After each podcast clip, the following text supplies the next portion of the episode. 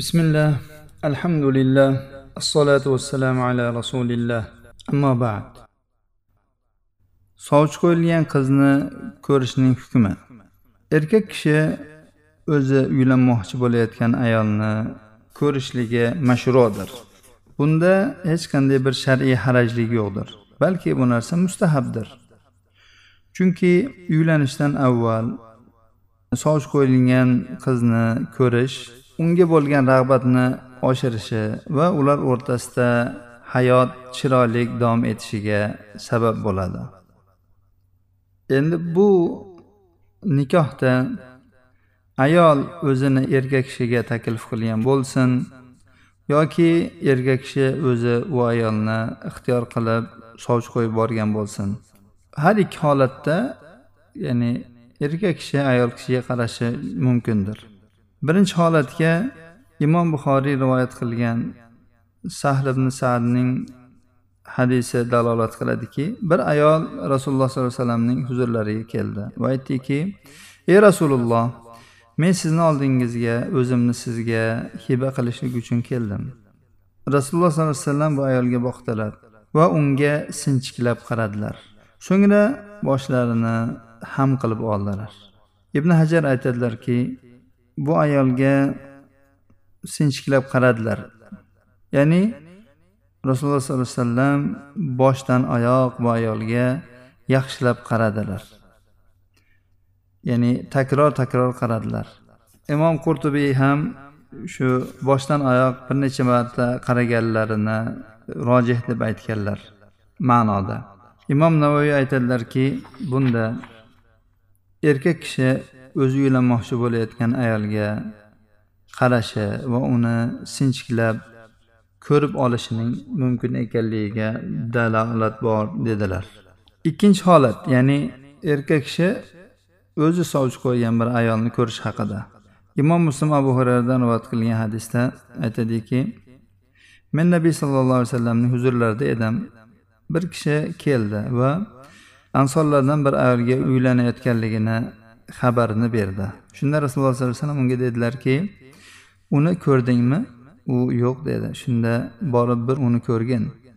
Ansorlarning ko'zlarida bir narsa bor dedilar. Endi ansorlarning ko'zlaridagi bir narsa haqida har xil tafsirlar aytilgan.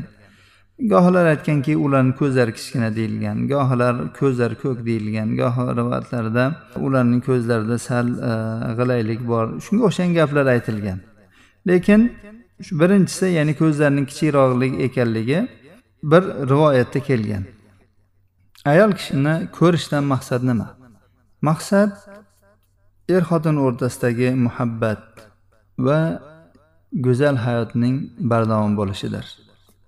Bunga mug'ira ibn shubaning hadisi dalolat qiladiki u bir ayolga uylanmoqchi bo'ldi. Shunda nabiy sallallohu alayhi vasallam unga aytdilarki uni bir ko'rib qo'ygin. Bu narsa sizlar o'rtanglarda bardavom bo'lishlikka yaqinroq bo'ladi dedilar. Termiziy aytadilarki bardavom bo'lishi deganlaridan maqsad ya'ni o'rtanglardagi muhabbatning bardavom bo'lishiga loyiqroqdir deganlari dedilar. Erkak kishi o'zi uylanmoqchi bo'lgan ayolni ko'rayotganda uning qayerlariga qarashligi joiz. Kishi o'zi uylanmoqchi bo'layotgan ayolning yuziga qarashligi joiz bo'ladi. Bunga abu hurayradan rivoyat qilingan ana shu uylanmoqchi bo'lib kelgan odamga rasululloh sollallohu alayhi vasallamning uni ko'rdingmi ansorlarni ko'zida bir narsa bor degan so'zlari dalolat qiladiki ko'z yuzda bo'ladi. Bu ko'rishda bu ayoldan ruxsat so'rash shart emas.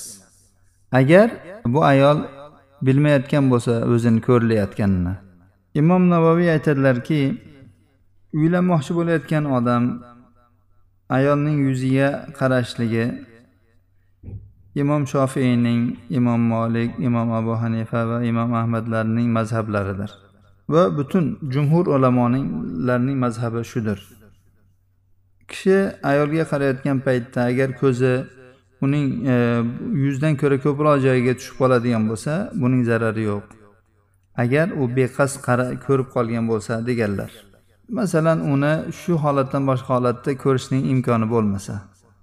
Bu qachonki ayol bilmay turgan holatda ko'rayotgan bo'lsa. Ya'ni u ayol bilmaydi. Bu poylab masalan bir biror narsani tirqishidan qarab yoki devonni ustidan bo'yini cho'zib qaragan holatda shu narsa joiz deyilyapti. Ammo bu ayol ya'ni biladi. Masalan qizni kuyovga ko'rsatilyapti. Bunday holatda u bilib turgan bo'lsa yuzdan boshqa joyini ko'rsatmasligi kerak bo'ladi. Chunki yuz butun jamolni o'ziga jamlagan o'rindir. Yigit qizni ko'rsa va u qiz unga yoqadigan bo'lsa rag'bati oshadigan bo'lsa unga nikohni qilib uylanadi. Uni takror takror ko'rib qiz bilan uchrashuv o'tkazish mumkin emas. Chunki bunga hojat yo'q. Maqsad uni bir ko'rib ya'ni qalb taskin topish edi. Qalb taskin topdi.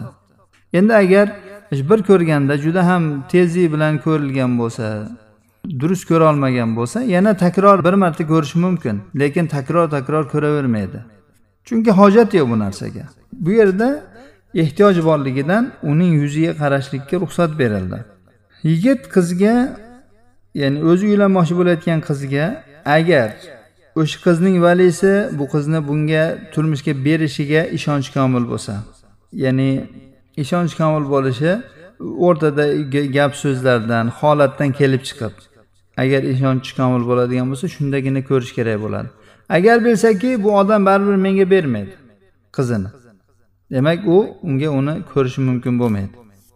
Shar'iy ko'rish bunda ya'ni bu ko'rishni biz shar'iy deyapmiz. Bu ko'rishda xilvat bo'lishi kerak emas. Masalan gohilar nima qiladi? Qiz bilan yigitni boqqa qo'yishib yuboradi. Boringlar bir bog'ni aylanib bir kelajakka bir rejalar tuzib chiqinglar. Agar muvofiq kelsanglar yaxshi bo'lmasa yo'q. Gohilar ikkalasini bir xonaga o'tkazib qo'yishadi. Bir soat yarim soat o'tirishadi suhbatlashib. Mumkin emas. Agar yigit qizni shu uyda yoki biron joyda ko'rishga majbur bo'ladigan bo'lsa u qiz bilan albatta mahrami bo'lishi lozim. Undan boshqa holatda mumkin emas. Qiz bilan uchrashgan paytda u bilan so'rashishi unga qo'lini tekkizishi ham mumkin emas. Chunki bu hali bu qiz bunga harom hali halol bo'lgani yo'q nikoh o'qilgan emas. Uylanmoqchi bo'lgan yigit bir nechta ayollarni ko'rib ulardan yoqqanini tanlab olish ham mumkin emas. Gohi islomdan ulushi bo'lmaganlar shu ishni qilishadi. Ya'ni bir qator bir beshta o'nta qizlarni suratini jamlaydida uni solishtiradi. Solishtirib ma'qul kelganini keyin o'zini ko'radi. Yoki hammasi bilan bir qator ko'rishib chiqadi. Oxirida lekin a falonchini tanladim deydi. Mumkin emas. Falonchixonni o'zizga qalliq qilishga qaror qildingizmi? Endi uni bir ko'rib qo'ymoqchisizmi? Ko'ring.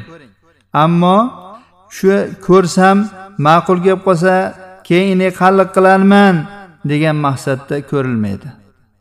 Avval maqsad qilinadi keyin ko'riladi. Ko'rish oxirida bo'ladigan ish. Mumkin ko'rish bilan aynib ketishi mumkin ish bo'lib ketishi mumkin. Lekin undan oldin surishtiriladi. Shu men falonchiman pistonchiman bo'ladimi bo'lmaydimi? U hamma oldi berdi gaplar bo'lgandan keyin lekin bir qator ko'rishiladi. Ya'ni aniq uylanishga qaror qilingandan keyin ko'rishga dalolat qiladigan bir nechta hadislar bor. Mana muhammad ibn maslama aytadiki men bir ayolga sovchi qo'ydim. Keyin yashirinib yurib uni ko'rishga harakat qildim. Oxiri uning xurmozorida yurganda u ayolni shu meniga e, ma'qul keladigan tomonlarini ko'rib oldim dedi. Ya'ni uni yuz ko'zini yuz qo'lini ko'rib oldim dedilar. Shunda aytildiki e siz rasululloh sollallohu alayhi vasallamning ashoblaridan bo'la turib shu ishni qilasizmi? U zot aytdilarki men rasululloh sollallohu alayhi vasallamdan eshitganman. Agar alloh taolo biron kishining qalbiga biron ayolniga sovchi qo'yishni soladigan bo'lsa uning ana shu ayolga qarashida hech qanday harajlik yo'qdir deganlar. Hech qanday zarar yo'q. Jobirning hadisi ham bunga dalolat qiladi. Aytadiki rasululloh sollallohu alayhi vasallam dedilar agar sizlardan bittanglar biron ayolga sovchi qo'yadigan bo'lsa agar u bu ayoldan u ayolning shu nikohiga buni e, rag'batlantiradigan biron narsani ko'rishga imkon qiladigan bo'lsa ko'rsinlar dedilar.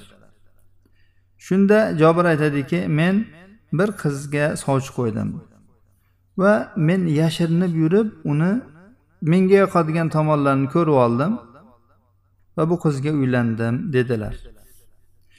Abu humaydning hadisi ham dalolat qiladiki rasululloh sollallohu alayhi vasallam dedilar agar sizlardan biringiz biron ayolga sovchi qo'yadigan bo'lsa u uchun ana shu ayolga qarashligida hech qanday bir gunoh yo'qdir. Agar uni shu sovchi qo'yganligi uchun uylanaman deb ko'rgan bo'lsa agar u ayol o'zini ko'rilayotganini bilmaydigan bo'lsa deb qo'ydilar. Demak bu hadislar hammasi aniq nikohlab olaman deb qasd qilgandan keyingina ko'rishning joizligiga dalolat qilmoqda. Bobimizdagi ushbu hadis bir nechta ahkomlarga va foydalarga dalolat qilmoqda. Ulardan birinchisi ayol kishi o'zini biron yaxshi odamga taklif qilishining joizligi.